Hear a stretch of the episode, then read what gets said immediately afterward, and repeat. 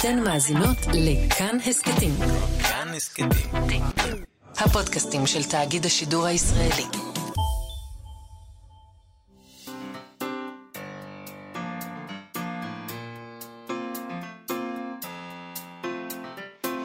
מה שכרוך. עם יובל אביבי ומה יעשה לה.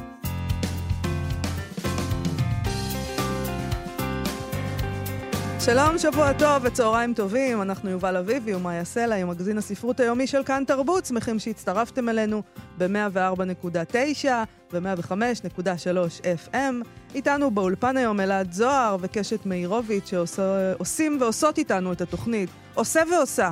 ושלום לך גם, יובל אביבי. גם אנחנו עושה ועושה. נכון. מאיה סלע. Uh, הגיבורה של הספר החדש של ישי שריד מנצחת, היא אמנם לא לוחמת, אבל היא רואה בעצמה חלק מהלוחמים. אה, היא מומחית למנגנון הנפשי של חיילים קרביים, והיא עסוקה לסייע, אה, היא עובדת בלסייע להם פסיכולוגית לבצע את תפקידם בצורה מושלמת. כלומר, בקיצור, לאפשר להם להיות הורגים טובים יותר, להרוג בצורה מוצלחת יותר, מינימום משקעים נפשיים, להרוג ולצאת כן, מזה בשלום. כן, שלא יהיה להם הלם קרב, שלא יהיה להם בלאגנים עם זה אחר כך. אז אנחנו נדבר איתו הפחד, היום... הפחד, לא לפחד, כמובן, לטפל כן, בפחד. כן, כי יש שם חלק שהם נכנסים, לא נהרוס את הספר בעצם. לא נהרוס. Okay. אוקיי. אבל יש, אה, יש אה, התלהבות מקרב. מסתבר. אנחנו חייבים לעשות פעם אייטם על העניין הזה שנקרא ספוילר. לגמרי. כי יש אנשים שסוברים, ואני די מסכימה איתם באיזשהו אופן, שאם רוצים לדבר על ספר, צריך לדבר עליו. אה, אי אפשר עם העניין הזה של הספוילרים. נכון, אם זה ספר בלשי, לא נגלה מי הרוצח, אבל כן. אי אפשר ללכת ככה בין הטיפות כל הזמן. ומצד שני, אנחנו מבינים מה הצד השני. לא רוצים להרוס את הספר. אוקיי, אז... בקיצור, טוב. אה, יש את ההתלהבות הזאת כשאתה מסתבר, אני לא הייתי חייל קרבי, אבל כנראה שיש התלהבות. כשאתה חייל קרבי אתה רוצה להיכנס ולהילחם, ואתה נכנס ונלחם, ואחרי זמן קצר זה עובר לך ההתלהבות, כי אתה מבין שזה עסק לא משהו, המלחמה. אה, אז, אז איך עושים את זה? אה, אני מבין שהתפקיד הזה בטח בגרסה קצת פחות אה, אה, ספרותית, קיים במציאות. זאת אומרת, באמת עוזרים לחיילים אה, להתגבר על הדבר הזה. אני באמת, אה, בהחלט התכוונתי לשאול את ישי שריד מאיפה הוא הביא את זה ואיזה תחקיר הוא עשה. זה מה שאני רוצה לשאול. אה, באמת, אם יש תפקיד כזה ואם מה שהוא כותב זה באמת נכון. אנחנו נשאל את כל זה. אה, נדבר גם עם אילי גרין, הוא צייד הספרים שלנו. אה, נדבר איתו על מציאות בעולם אספנות הספרים והאספנות... בכלל, אנחנו נדבר היום על טרטקובר, המעצב, אפשר להגיד מיתולוגי? אגדי? אגדי? אגדי. אה, בעודו בחיים, כן. בטח. בעודו בחיים, אגדי. הוא כבר אגדי, אני חושב נכון. שכן. Mm-hmm. אה, טרטקובר. אבל לפני כל אלה, אה, אתמול אנחנו ראיינו את אה, פרופסור אריה אלדד על ספרו החדש, עצים ושבבים. הספר הזה עוסק בתקופה האחרונה של מחתרת הלח"י. אחד ממנהיגי המחתרת היה אביו, ישראל אלדד. והיום קיבלנו איזה הד, אתמול, באותו יום קיבלנו איזה הד למשהו שקרה בריאיון. אתה שמעת הד שם, בוא נגיד. אתה שומע עדים, אתה שומע קולות. הצופים ישפטו. אה, המאזינים ישפטו. מאזינים, זו לא טלוויזיה. אה, טוב, ישראל אלדד הזכיר כמובן דבר ידוע, אנשי הלח"י היו מוקצים פה במדינה הזאת, אה, נקמו בהם, רדפו אותם, מנעו מהם עבודה בין היתר. Uh, הלכנו ומצאנו שבעיתון דבר דיווחו בשנת 1950 שבית המשפט העליון בירושלים הוציא צו על תנאי נגד מנהל אגף משרד החינוך והתרבות להופיע ולנמק תוך עשרה ימים מדוע לא יחזרו מהתנגדותם לקבלתו של דוקטור ישראל שי מראשי לח"י בעבר, זה ישראל אלדד, כמורה בבית הספר מונטיפיורי בתל אביב. עורך הדין שהופיע מטעם המבקש קרא לפני בית הדין העליון מכתב חתום על ידי שר הביטחון דוד בן גוריון, שנשלח לדוקטור שייב, שבו נאמר משרד הביטחון התנגד להזמנתך כמורה מפני שאתה מטיף בספרך ובעיתונך להשתמש בנשק נגד צבא ההגנה לישראל וממשלת ישראל במקרים הנראים לך. הוא ניצח במשפט, אגב. אה, פסקו לטובתו. ו... אבל עד היום יש, אתה יודע, מורה לאזרחות שהוציאו אותו, נכון, כי הוא נכון, דיבר, כאילו... נכון. ומה את אמרת אתמול על כך שבספר של אריה אלדד אפשר לראות לדעתך את השסע שעדיין קיים. נכון. זאת אומרת, מה שננעץ שם עדיין תקוע בין כל מיני פלגים פוליטיים בישראל, ואולי לא רק פוליטיים, אלא כל מיני פלגים. הנה חלפו מאז 70 שנים מאותו, מאותו דיווח בדבר, ואותו יום שאנחנו דיברנו על הספר הזה ועל הפרשייה הזאת, מפרסם uh, המו"ל של הוצאת נהר, ראובן מירן, פוסט בפייסבוק שבו הוא מכריז הודעה משמחת. יצירת המופת החשובה, עונה בגיהנום של ארתור רמבו, תתורגם על ידי בני ציפר מתרגם מעולה, תראה אור בנהר זאת- ספרים. זאת ההודעה של ראובן אה, מירן. נכון. בני ציפר הוא כמובן עורך מוסף תרבות וספרות של הארץ, וגם תומך נלהב בראש הממשלה בנימין נתניהו, מרבה לכתוב בזכות ראש הממשלה ומשפחתו, קולני מאוד בהתנגדות שלו לכל מיני גורמים אה, שדווקא היו שמחים לראות את נתניהו עוזב את תפקידו. בקיצור, הוא מקורב למשפחת נתניהו ומבהיר את זה בכל הזדמנות, אה, בדרך כלל בצורה מתריסה ופרובוקטיבית מאוד נגד אנשי שמאל, כמו שהוא אוהב ויודע טוב מאוד לעשות, וכן, הוא, לפעמים הוא מעצבן רצח, נכון. אז התגובות לפוסט של ראובן מירן לא איחרו לבוא. אה, מכולם דווקא הוא, כתבה גולשת אחת, ענתה לה אה, אחרת שמה, באותו, באותו שרשור, לא אקרא בני ציפר, מצטערת. מישהי אחרת הסבירה להן במילים אלה, צריך להפריד בין כישרונו כמתרגם צרפ... מצרפתית לזה שהוא אידיוט. עוד אחד תהה, זה גם יתאר את חוויותיו בבלפור, ועוד אחד כתב, בני ציפר לא בשבילי, מצטער.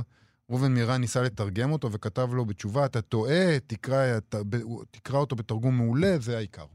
טוב, עוד אחד שם טעה אם הספר יגיע עם הקדשה של ביבי, ומישהי כתבה שבני ציפר זה ממש לא שמחה, אה, ומישהו אחר דווקא חשב שכל רגע שציפר אה, מקדיש לתרגום ספרות צרפתית, הוא רגע שהוא לא יכול להקדיש להתחנפות הדוחה הזאת למשפחת נתניהו, וזה רווח נקי לכולנו.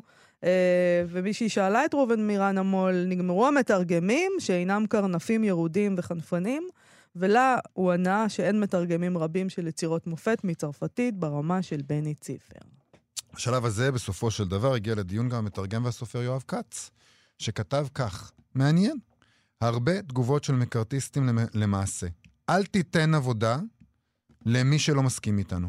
בקשתי מהם, אנא, פרסמו את כל הרשימה השחורה, כדי שנוכל להתעדכן מי מופיע בה. ורובין מירן כותב לו, בדיוק כך יואב כץ, וזה די מבאס, למען האמת, כי מדובר באנשים טובים, כלומר המגיבים האלה. מגיב אחר כותב לו, לא הייתי מצרף את המילה טובים לאנשים שמנסים לגז- לגזול פרנסה ממישהו שדעותיו הפוליטיות שונות משלהם. והאמת חייבת להיאמר, זה דבר די מחריד. אני קראתי את זה והזדעזעתי. אתה מזדעזע בקלות, בסך אני הכל. מזדעזע בקלות, Mhm. כן. לא, זה מפחיד... תחביב כזה להזדעזע בסך הכל. ברור, זה הפוזיציה. כן. אה, אני חושב שזה מפחיד לחשוב, כי תחשבי על, אה, אה, מו"ל כמו ראובן מירן, שיחשוב פעמיים לפני שהוא יעסיק שוב את בני ציפר, או מישהו אחר שהוא ימני, אה, בתרגום יצירה כזו או אחרת, או, יפרסם, או לא יפרסם ספר שלו, כי הוא יפחד שציבור הקוראים יימנע מלרכוש את הספר בשל הפעילות הפוליטית של מי שכתב, או מי שתרגם, וכולי וכולי. זה דבר שבעצם הוא בלתי נסבל, כי לא היינו רוצים דבר הפוך, נגיד. כן, אה, תשמע, זה תמיד מחריד כשקורים דברים כאלה. זה היה מחריד כשזה קרה לאלון חילו, שלקחו ממנו את פרס ספיר, בגלל שהספר שלו היה שמאלני מדי, אה, פוסט-ציוני וכל מיני דברים נוראים כאלה. אה, זה היה מחריד בקמפיין השתולים, אה, הבוגדים, שהצביעו על כל מיני סופרים אה, כמו עמוס עוז כבוגדים בגלל אה, דעותיו הפוליטיות. אה, וזה מחריד כשמפטרים עיתונאים גם בגלל אה, דעותיהם הפוליטיות. ואנחנו בתוך המרק הזה עכשיו, אין מה להתפלא. Uh, התגובה הכי, שהכי מצא חן בעיניי שם uh, בשרשור הזה, הייתה התגובה של עופרי לני, כן. שאמר, היו כבר שני תרגומים לזה, לטקסט הזה של רמבו קודם לכן. כלומר, כן, זאת התגובה שהייתה יפה בעיניי ביותר. שלכם, ובשבילכם, ספר חדש של ישי שריד, אה, מנצחת שמו, רואה אור בימים אלה בהוצאת עם עובד. במרכזו עומדת אביגיל, פסיכולוגית שעבדה שנים רבות עם הצבא, בניסיון לייצר חיילים שיודעים להרוג מבלי שזה ישאיר בהם סימנים. כך היא מגדירה את תפקידה זה מהספר. אני כאן כדי לעזור לכם ולחיילים שלכם לנצח את האויב, להרוג אותו ולהישאר בחיים. אני חוקרת את נפשם של לוחמים כבר יותר מ-20 שנה. אני יודעת מה צריך לעשות כדי להפוך חיילים לקטלנים יותר, ממושמעים יותר וגם חסינים יותר מפני טראומה. אבא שלה, אגב, אה, שהוא דמות חשובה וקשה בחייה, ובספר גם הוא פסיכולוג, מתעמת איתה על השימוש שהיא עושה בכלים המקצועיים שלה בשירות, אה, אה, בשירות הצבא. מבחינתו היא משרתת של הכוח, רק שהיא אפילו לא הורגת בעצמה, הוא שונאת בה.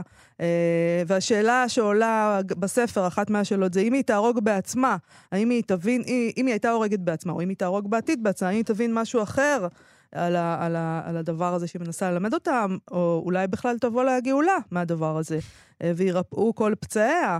אה, יש לה גם בן שמתגייס לצבא, קרבי כמובן, לצנחנים, ויש קשרים עם הרמטכ"ל, עוד מעט נשאל את ישי שריד מה מותר להגיד, אני לא רוצה לעשות ספוילרים. אה, ויש מטכ"ל שהוא אולי מטכ"ל מסורס. שצריך להבין, צריך להבין איך החיילים האלה ידעו להרוג ברגע האמת. זה הספר השישי של ישי שריד, בין ספריו הקודמים, מפלצת הזיכרון, השלישי, גן נעמי ולימסול. שלום לישי שריד. שלום. Uh, ישי, מאיפה נולדה זו אביגיל במוחך? מה פתאום? מאיפה היא באה? אה, אביגיל באה מהמקומות של, אה, של כוח, של נשיות, של איך, מה מחזיק אותנו כאן, של התסביכים שלנו שנוגעים לכוח, בעיקר בנושא של אה, מהמקום של שימוש באלימות כ... כ... כמה שמאפשר לנו להתקיים פה. או אולי אבל... ככה אנחנו חושבים. אבל אתה מההתחלה ידעת ש... שזאת תהיה אישה הגיבורה שלך? זאת אומרת, למה אישה ולא גבר? מה פתאום אישה הרי? אה, היה, היה צריך לקבל החלטה, באיזשהו שלב מאוד מוקדם זה היה גבר, אבל הגבר פשוט קצת שיאמם אותי, הוא היה מין פקיד אה, כזה. אוקיי. אבל היא דמות... אני אעשה פה איזו הפרדה גסה כזאת שכבר אסור לעשות בימינו, אבל יש לה תכונות מאוד מאוד גבריות. היא דוגלת באלימות, היא מאוד קרייריסטית, היא חותרת למטרה, היא נטולת חמלה, היא דמות קשוחה. לא יודע, יובל, זה, זה מתאים להרבה נשים שאני מכיר בחיים האמיתיים. זהו, אמרתי לא מראש, אני התנצלתי מראש על ההפרדה הגסה שאני עושה. לשמחתי או לצערי, אני לא יודע, הזן של הנשים הענוגות, הרכות וה... זה, לא יודע, הוא לא, לא כך רואה אותו סביבי. אמ, ולכן אה, כמובן שהיא מוקצנת בדברים מסוימים, וגם אה, מכוח העיסוק שלה, אבל אני לא, אני לא חושב שהיא אה, דמות מומצאת מהבחינה הזאת. איזה תחקיר עשית ישי? מעניין אותי, יש תפקיד כזה, התפקיד הזה שהיא עושה, הוא קיים בצה"ל? כן, יש, תראו, יש מערך שלם של פסיכולוגים, של מדעי התנהגות בצבא, שהוא גם כולל את הקב"נים שפרוסים ביחידות הצבא, אבל גם גופים שמתעסקים במחקר. אה, ובעבודה יותר תשתיתית. דרך אגב, לא רק בצה"ל, אלא גם בצבאות אה, אחרים בעולם. כן. יש המון ספרות מקצועית על הדבר הזה. אה, אחד הדברים המעניינים, ואולי אפילו קצת מדהימים שגיליתי, היו לזה רמזים איפשהו מצאתי באינטרנט, אבל אחרי זה כדי למצוא את הטקסטים במלואם, מצאתי את זה בספרייה של אוניברסיטת תל אביב, איזשהו כתב עת של מערך מדעי ההתנהגות בצה"ל שיצא מתישהו בשנות האלפיים. אה, והיה בתקופה מסוימת פומבי, אני לא יודע אם הוא קיים עדיין, אבל אם הוא קיים הוא, לא, הוא כבר לא מתפרסם ברבים. ושם היו מאמרים כגון מחקר על נפשם של הצלפים בצה"ל. Mm, שאתה מזכיר בספר. נכון, שם היה מאמר שגם כן יש איזה פרק קצר על uh, ההיערכות או ההכנה הנפשית של החיילים שהשתתפו בהתנתקות, שפינו את ההתנחלויות בחבל עזה. כן. אה, ועוד חומרים, אה, כן, ודאי, יש עיסוק רב בדבר הזה, כי יש גם בעיה גדולה. אנחנו יודעים שהנושא של אה, לחימה קרקעית, אדם מול אדם, לוחם מול לוחם, אנחנו מתקשים בזה ב... ב לא יודע מה, ב-20 השנים האחרונות. ויש גם תיאוריה, יש גם תיאוריה למה אנחנו מתקשים בזה, בגלל שהילדים שלנו זה ילדים של שוקולדה. הם uh, לא מרביצים אחד, אנחנו לא מרשים להם יותר להתאבק בחול מכות. אני לא יודעת, אני לא מסכימה איתכם, אני חושבת שאנחנו מתקשים בזה, זאת אומרת, צבאות מתקשים בזה מאז מלחמת העולם הראשונה. אה, ששם פעם ראשונה הבחינו בהלם קרב. זה לא מה-20 שנה האחרונות. נכון, מאיה צודקת במובן הזה, וזה עוד פעם, יש על זה מחקרים אה, רחבים מאוד ומעמיקים מאוד.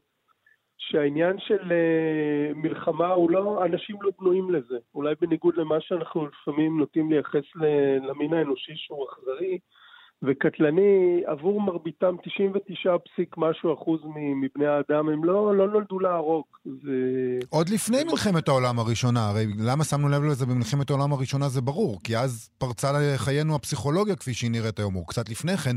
לא, והתחילו... אז היה גם נשק שהרג בצורה המונית. נכון, ו... הייתה, שם, הייתה שם מלחמה, אבל, אבל יכול להיות מאוד שלפני כן היו את כל הדברים האלה, אבל הפסיכולוגיה לא הייתה פסיכולוגיה של האני בצורה שהיא הפכה להיות בראשית המאה ה-20, ולכן לא התעסקו בזה כל כך. נכון, אבל, נכון, אבל אנחנו תראה, כן אנחנו... נלחמים תמיד. תראה, גם במלחמות ישראל אנחנו יודעים שמספרי הנפגעים נפשית היו תמיד עצומים. אה, מלחמת יום כיפור, יש אלפי פיגועים עד היום, פיגועי נפש כתוצאה מהמלחמה, רק היה האתוס הישראלי שהדחיק את הדבר הזה. אולי גם המלחמות היו יותר חיוניות מאשר המלחמות האחרונות. והיום גם האינדיבידואליזם והדאגה לחיילים יותר מאשר לאזרחים במידה רבה, אה, וחוסר היכולת וחוסר הנכונות אה, לשלם מחיר כבד, הם אה, מובילים לזה שבעצם אי אפשר לנהל כבר מערכות קרקעיות. אפשר לראות טילים מרחוק, אפשר להשתמש בטכנולוגיה מתוחכמת, אבל בסוף שצריך להיכנס ולעשות עבודה בשטח. זה דבר ש... זה, זה לא בכדי שלא נכנסים לעזה ולא מנקים אותם ממשגרי הרקטות. אבל בספר, צריך להגיד, זה, אנחנו תכף נשאל מה מותר אה, עוד כן, לספר על הפנים. כן, אנחנו מפחדים להרוס. מפחדים להרוס. אה, אבל אה, צריך, התחושה היא שאין באמת פתרון. זאת אומרת, בסופו של דבר, אנחנו צריכים להילחם פה, אנחנו צריכים אנשים שיהרגו את האויבים שלנו. האנשים שנבחרו למשימה זה גברים בני 18, אנחנו חייבים לשלוח אותה לשם.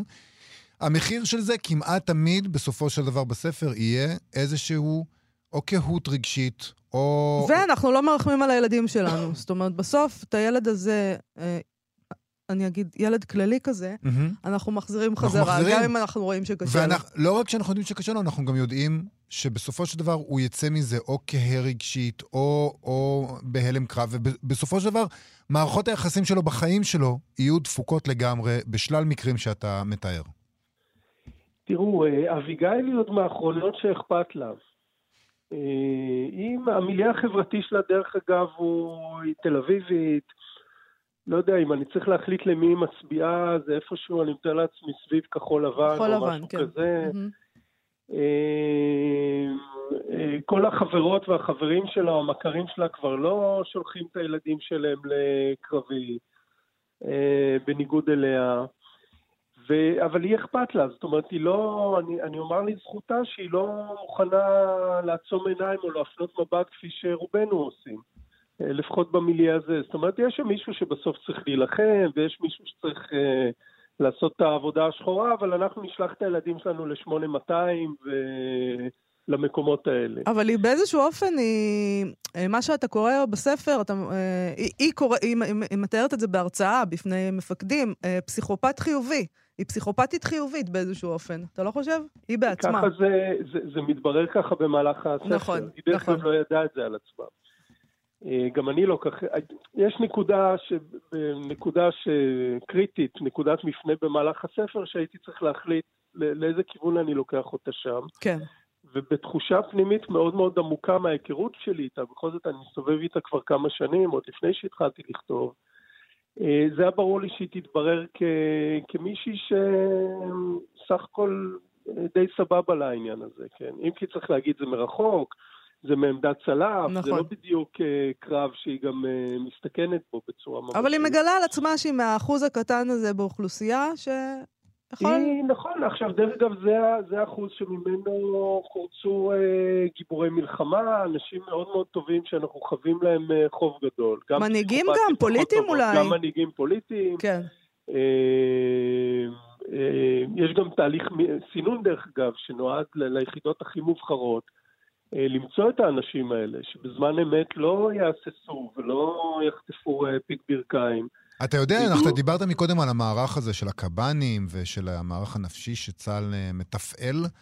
אה, ואתה יודע, בתפיסה שלי, שהיא כנראה נאיבית לחלוטין, אתה אומר לעצמך, טוב, זה טוב שיש קב"נים וזה טוב שיש את הדבר הזה, כי ככה מי שלא צריך להגיע לשדה הקרב, זה התפיסה שלי של, של קב"ן. מי שלא צריך להגיע לשדה הקרב, מסננים אותו. אבל אולי, זה, זה כמובן תפיסה שגויה, כי הרי המטרה של צה"ל היא... לא, אה, לאו דווקא בהכרח לעזור לחלשים, אלא באמת, אה, המטרה של צה"ל היא ל- להילחם, היא להיות מכונת מלחמה הכי טובה. לנצח במלחמה, זה כן, המטרה היא, שלו. כן, היא להיות מכונה, ובצדק, אתה יודע, זה מה שזה צבא. אבל זו תפיסה, לחל... התפיס... אני פתאום חושב שהתפיסה של מערך, המערך הנפש שצה"ל מפעיל, היא הפוכה לחלוטין ממה שאפשר לדמיין.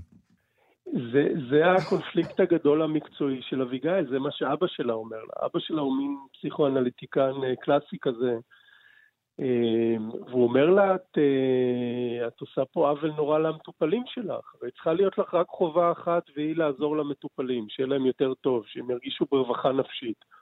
ואת משרתת את המערכת. אבל זה יותר מסובך מזה, כי מה קורה שהמתגייסים, הנערים, הילדים, אביגיל שונא דרך אגב שקוראים להם ילדים, אה, מה קורה כשהחבר'ה האלה כן רוצים אה, להשתתף במלחמה, כן רוצים להשתתף בקרב? מה קורה כשזה בחורה דרך אגב? נכון, יש לנו ה... פה דמות של בחורה, טייסת, ש... תגיד אתה, כי אני לא, לא יודעת מה כן? אתה מרשה נוגה, להגיד. לא, תראו, כמעט, תראו, נוגה היא טייסת שמאוד אה, מצטיינת, בחורה מבריקה, שעוברת די בקלות את קורס הטיס, עד שאנחנו מגיעים לסדרת השבי. ובסדרת השבי היא מאוד מתקשה, ואביגיל הפסיכולוגית רואה אותה מקרוב, דרך קיר שקוף כזה, שקוף למחצה, כן. בכיוון אחד, ושם היא מתפרקת, ואביגיל צריכה להחליט מה היא עושה איתה, אם היא משקמת אותה ומקוממת את ההריסות הנפשיות, או שהם מדיחים אותה, ואביגיל היא גורמת לזה שהיא, שהיא תמשיך נוגה.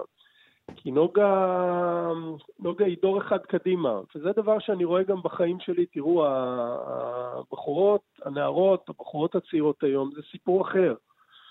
כן, זה... באיזה מובן? במובן של, אני רואה את זה גם אצל הבנות שלי והחברות שלהן, כן, שהן, אה, הבת הגדולה חיילת, והבת השנייה היא אה, בת 17 עוד מעט, כן. זה, הן לא זקוקות כל כך לחסות גברית וליחס מיוחד, כפי שאולי, אה, לא אולי, היו נשים בדורות קודמים. נכון. היינו ככה, נכון. זה נכון. כן. נכון, ואנחנו רואים את זה גם בתפקידים הצבאיים. תשמעי, בחורה שרוצה ללכת, בסרט, ללכת ל... להיות בסרט מטכ"ל, זה לא קוריוז. היא לא עושה פה גם איזה... היא באמת חושבת שהיא יכולה להיות שם. אמ, והיא לא מבקשת הנחות מאף אחד. וזה סוג חדש, בעיניי דרך אגב זה מאוד מוצא חן. כן?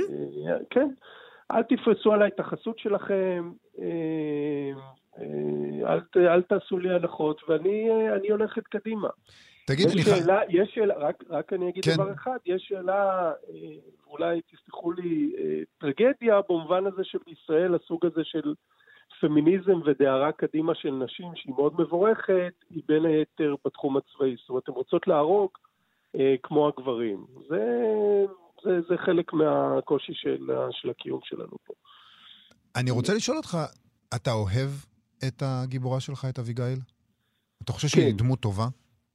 אם היא טובה, טובה, אני לא יודע מה זה טובה. היא דמות שנמצאת אה, מונעת מתחושת חובה מאוד עמוקה. אה, הייתה יכולה לקום וללכת, הייתה יכולה לשבת בקליניקה פרטית ולטפל בבורגנים עם אה, נוירוזות.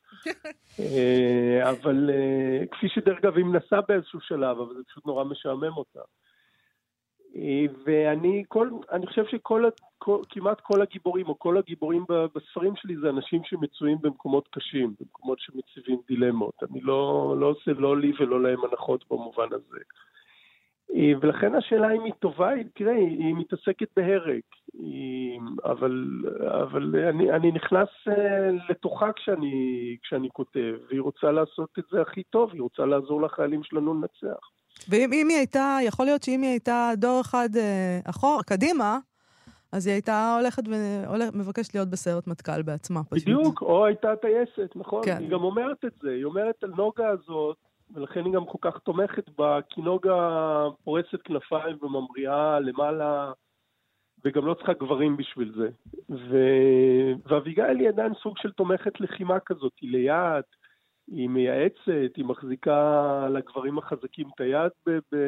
בשעות של משבר.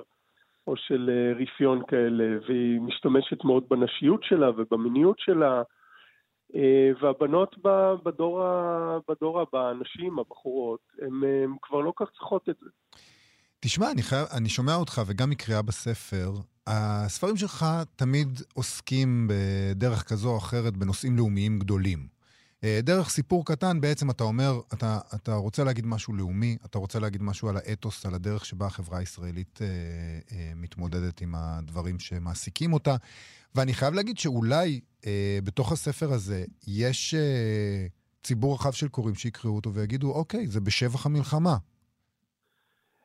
לא, זה בטח לא בשבח המלחמה, כי מיותר להגיד שמלחמה זה דבר נורא וכולי וכולי, אבל מה, אתה יודע, אבל אם, אם אנחנו מצויים בתוך הסיטואציה הזאת, אז מה אנחנו עושים עם זה?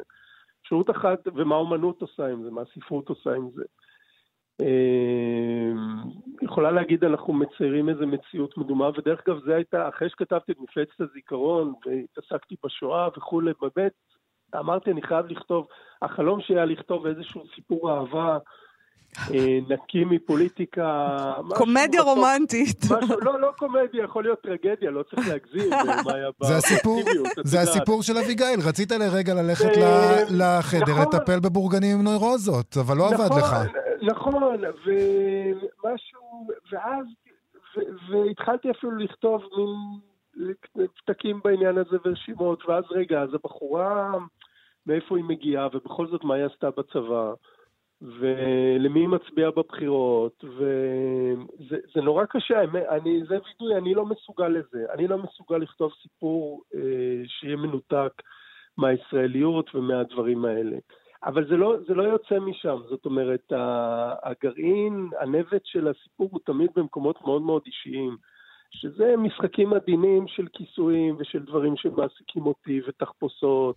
מערכות יחסים משפחתיות, זה כמעט תמיד מתחיל באיזושהי מערכת יחסים משפחתית, סיפור של כוח. תשמעו, קראתי אתמול פוסט של אה, רם כהן, מנהל אה, תיכונת, תיכון, אה, תיכונת בתל כן. אביב, שאני מאוד מאוד מעריך אותו, וכתב שלשמאלנים המפגינים בירושלים, ובמקומות אחרים, תתחילו להרביץ מכות לחבר מלה פמיליה. Mm-hmm. תתחילו, בואו בוא גם אנחנו אה, נרביץ סוף סוף. כן.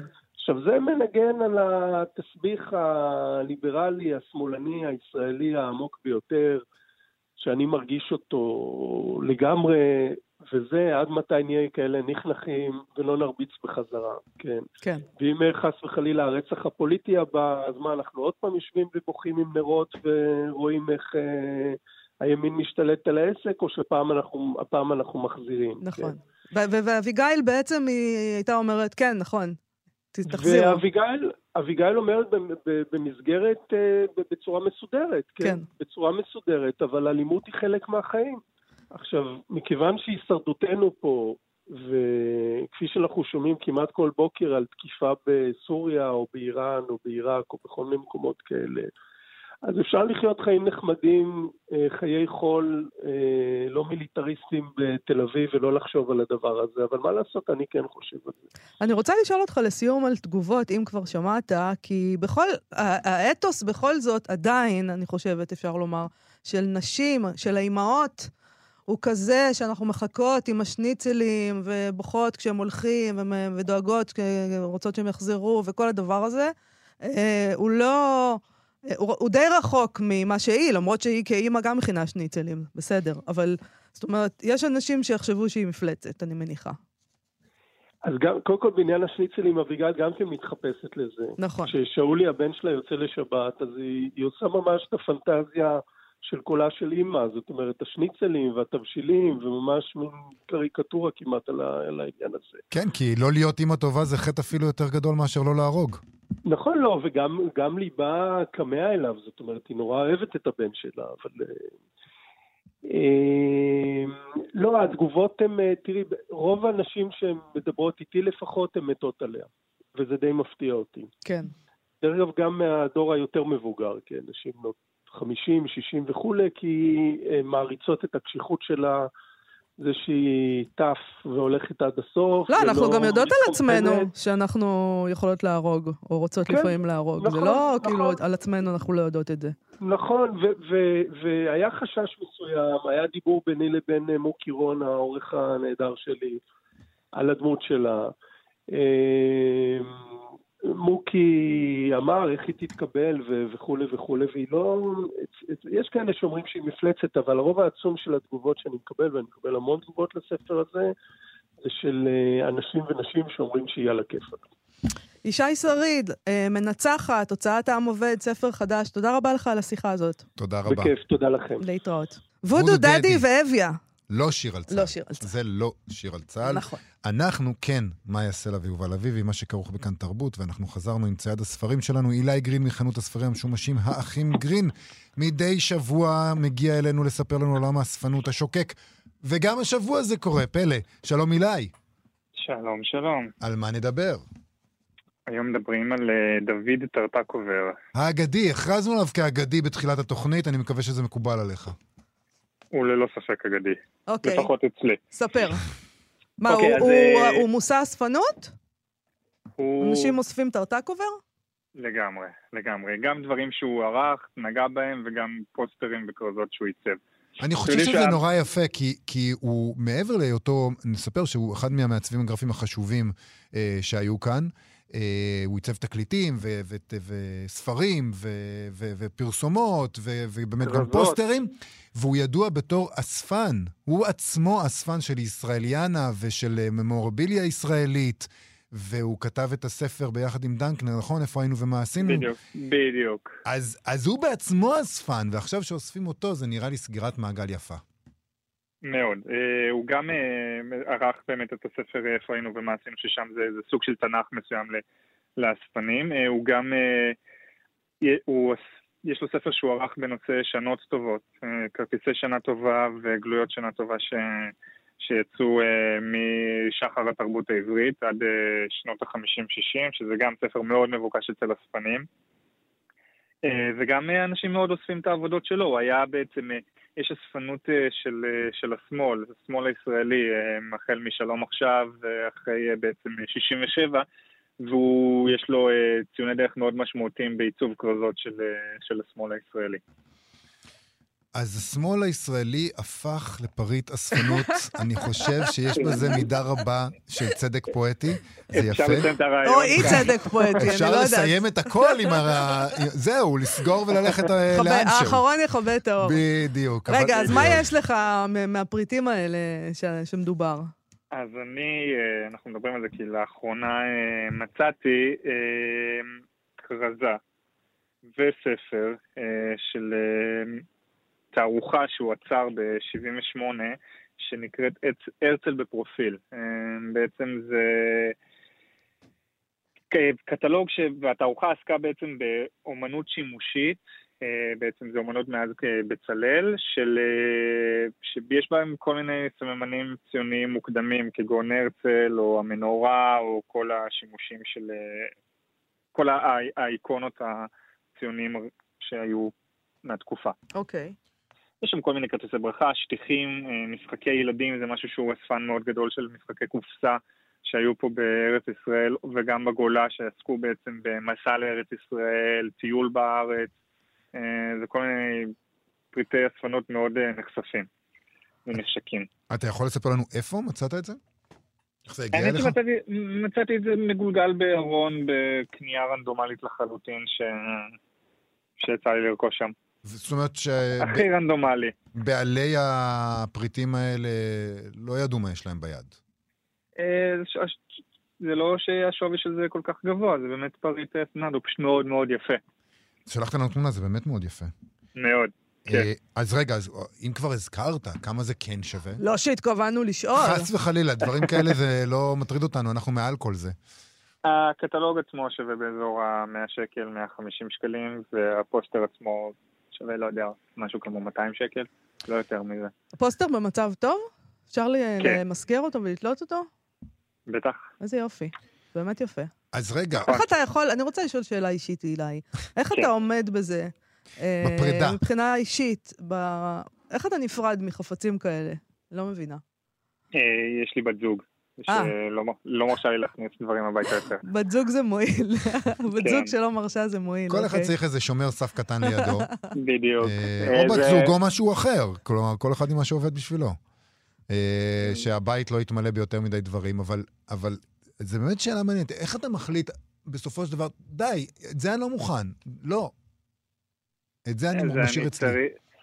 תשמעו, אחרי כמעט עשר שנים שאני עושה את זה, אני באמת צריך להיתקל בפריט שהוא, שאני ממש נקשר אליו ב-level הרגשי, ולאו דווקא ב-level האסתטי, כדי ש, שאני אשמור אותו. מעטים הפריטים ש, שממש אה, ככה אמרתי, זה חייב להיות שלי, ואני לא, לא מוותר על זה.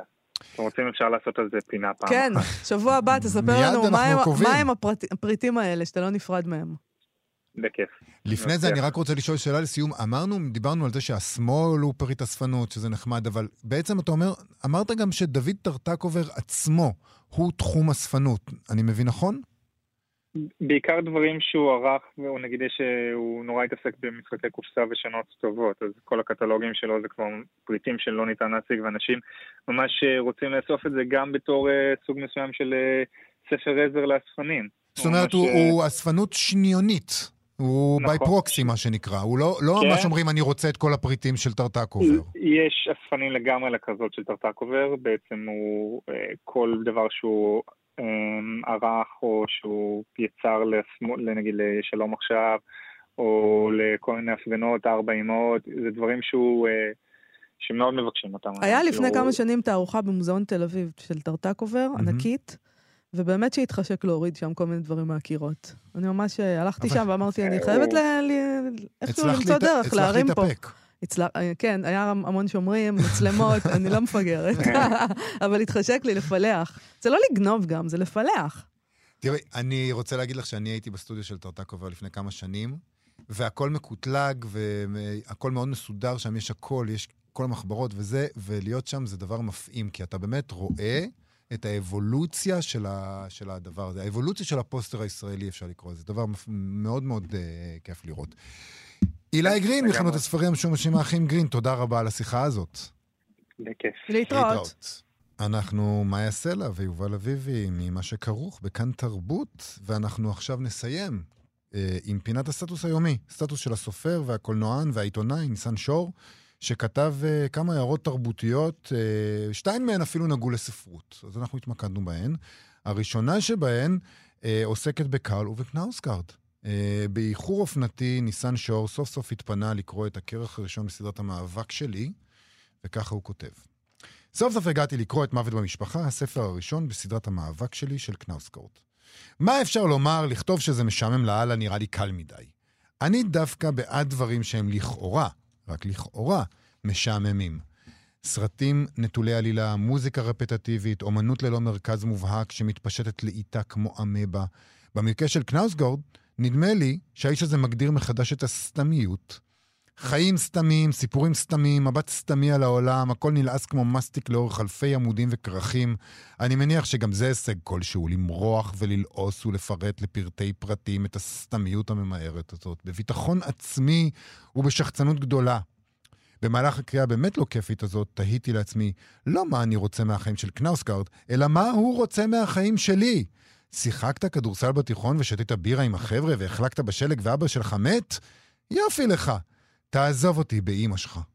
טוב, הוא כמובן טועה אה, ומטעה, אבל בסדר, אה, אנחנו אוהבים אותו עדיין, כי אנחנו ליברלים.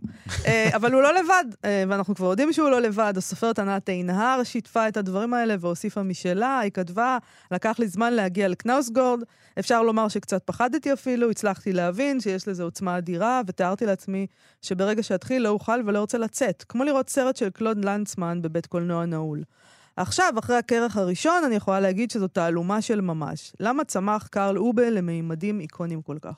אני מודה שאין לי פתרון ואין לי אפילו כיוון. בעיניי זאת ספרות נטולת איחוד, תנופה וקסם, ואפילו המיקום הסקסי, נורבגיה, לא מצליח לטפטף לתוכה טעם וריח. ממש ככה. אתה קורא ולא מרגיש טעם וריח כמו לקוי קורונה. להשוות אותו לפרוסט, גורקי, קנז, קודזי ועוד כל מיני שכתבו סדרות על סיפור חייהם, זה כמו להשוות סוקולנט לברוש. סלח, אה, סליחה מראש לכל ידידיי המוערכים, עד מאוד שקנאוסגורד יקר להם, אה, יקר לליבם, ירדתי בתחנה הראשונה, תמשיכו בלעדיי. גם ענת עינר טועה ומטעה, וגם אותה אנחנו וגם אוהבים מגיב- בכל זאת. המגיבים אצלה, כמעט כולם תמימי דעים. היא שיתפה את זה והגיבו אצלה, לא אצל כן. ניסן שור, וכמעט כולם מסכימים איתה. הסופר ניצן ויצמן אה, כותב, זו הייתה גם החוויה שלי, שרדתי 365 עמודים מהכרך הרביעי כדי לספר שעמום טוטאלי סתמיות בהתגלמותה. אה, לעומתם, החוקרת דוקטור שירה סתיו כותבת, קנאוסגורד לא סופר גדול לדעתי, אבל יש לי אהבה עצומה לסדרה הזאת. כבר זמן רב אני מרגישה שכל מה שאני קוראת זה רק כדי להעביר את הזמן איכשהו, עד שיתורגם הכרך הבא, והיא אומרת, לא בא לי לקרוא אותו באנגלית, התמכרתי לדנה כספי.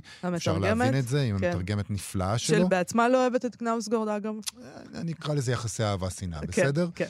אה, שירה סתיו ממשיכה, כותבת, הגעתי למסקנה שמי שנתפסים עליו זה עניין של טמפרמנט או סוג דם, משהו שקשור בחוויה של הקוראים עצמם ובחייהם, ולא ברמתו כסופר.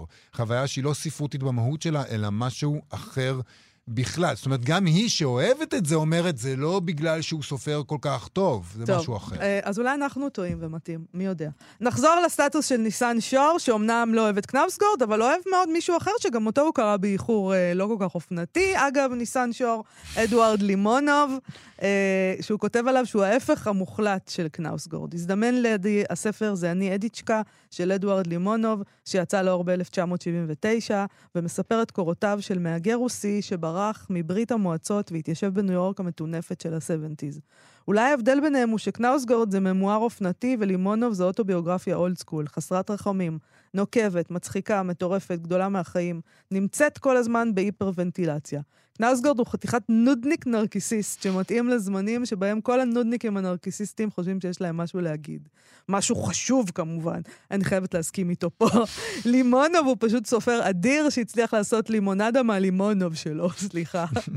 זה אני אדיצ'קה, הוא גם ספר מהמם על תלאות ההגירה, גם דיוקן מוצלח של ניו יורק בשנים הספציפיות שבהן הוא נכתב, גם, גם כתב אשמה נגד זעיר בורגנות שמאלנית שמתחזה למהפכנית, וגם מסמך ביקורתי על אמריקה והקפיטליזם. כולם יוצאים בו רע, בעיקר הכותב. זה ספר עם המון טסטוסטרון, אבל לא מצ'ואיסטי כלל. זה לא הכתיבה הגברית המשומשת של קנאוסגורד. לימונוב שוכב עם גברים שחורים כדי להסיט מעצמו את כאב הבגידה של אשתו. הוא שתיין, הוא בכיין, הוא איש שוליים, הוא תלוש לגמרי, אין לו פתרונות. הזיכרון לא עובד אצלו ככלי להיטהרות או וידוי דתי. זה רומן מוזר ויפה. אצל קנאוסגורד שום דבר לא מוזר. זה הדבר החמור ביותר שאני יכול להאשים אותו בו. טוב, עכשיו אני לא לא, יודע הוא מה קצת לעשות. משכנע אותי, ניסן אני לא יודע שור. מה לעשות. אה, אם יש לו שיפוט ספרות- ספרותי טוב, לניסן שור, אז איך אני לא מסכים איתו על קנאוסגרד? אבל אם הוא- אין לו שיפוט, אם הוא טועה לגבי ספרות ואין לו מושג על מה הוא מדבר, אז איך אני מסכים איתו על אה, לימונוב? זה בעיה רצינית. אה, כן, אני, אני ממליצה על לימונוב באופן עקרוני, כן, זה נכון. קנאוסגרד. טוב, נראה שניסן שור החל טרנד, כי אחריו גם הסופר והעורך רון דהן כתב סטטוס אה, ד, של וידוי ספרותי מהסוג הזה. במסגרת היציאות הרבות מהארונות הספרותיים, הוא כותב, הנה שלי, לא סובל את הספרות של דיוויד פוסטר וואלאס. קראתי בעברית, קראתי באנגלית, וואלה, לא טוב בעיניי, ואנמק. מדובר בטרחן בלתי נילא, שדפים על גבי דפים וחפירות על גבי חפירות מנסה לייצר איזה מבט איר- ביקורתי, אירוני על החברה האמריקאית הבורגנית. למעשה, זו העמדה הקלה ביותר לכתוב ממנה, ועם התגמול התרבותי הכי גבוה פר מילה. כי באמת, מי לא רוצה לרדת על האמריקנה, על המנהיגים, על אורחותיהם של העשירים? וואלה, חוכמה גדולה זה לא. טריק די פשוט ומלאה ודי משעמם, זה כן. לתחושתי בלבד, מה שוואלאס מסתיר בחפירות האינסופיות שלו, הוא היעדר היכולת לכתוב ברגישות, בעדינות, להבין את נימי הנפש של האדם, של הגיבורים שלו. שום אירוניה לא מתוחכמת יכולה להחליף חוויה רגשית עמוקה וספרותית, ואת זה אין לו, מה לעשות? אין לו. מה תעשו לי? אני מרגיש שהוא, אה, שהוא גם כן, הוא כותב דברים אה, נכונים, אבל שבסופו של דבר, דיוויד פוסטר וואלאס כן טוב. יש, יש שם הבחנה, הבחנה נכונה של מה הוא עושה, אבל לא של האיכות של זה. אני, אני מתחיל לחשוב שפשוט אני בן אדם שאוהב את הכל, זהו, זה הדבר, אין לך זה טעם המסקנה, פשוט, אבל זה אמרתי תמיד. המסקנה הכי גרועה שיכולה להיות אה, מהסטטוסים אוקיי. האלה, אבל למרבה המזל צריך לסיים. נכון. אז uh, תודה רבה לקשת מאירוביץ' ושרון לרנר שעשו איתנו את התוכנית. אנחנו מזמינים אתכם לבקר בעמוד הפייסבוק שלנו ושל כאן תרבות. אחרינו המעבדה עם גיל מרקוביץ', היום עם פרופסור מיכל קרומר נבו על האתגרים וההצלחות של יישום מדיניות מודעת עוני בישראל. עדיין. Uh, ו-KGC עכשיו, בבקשה. להתראות. אתיופי, סוחט מכל הרוע את היופי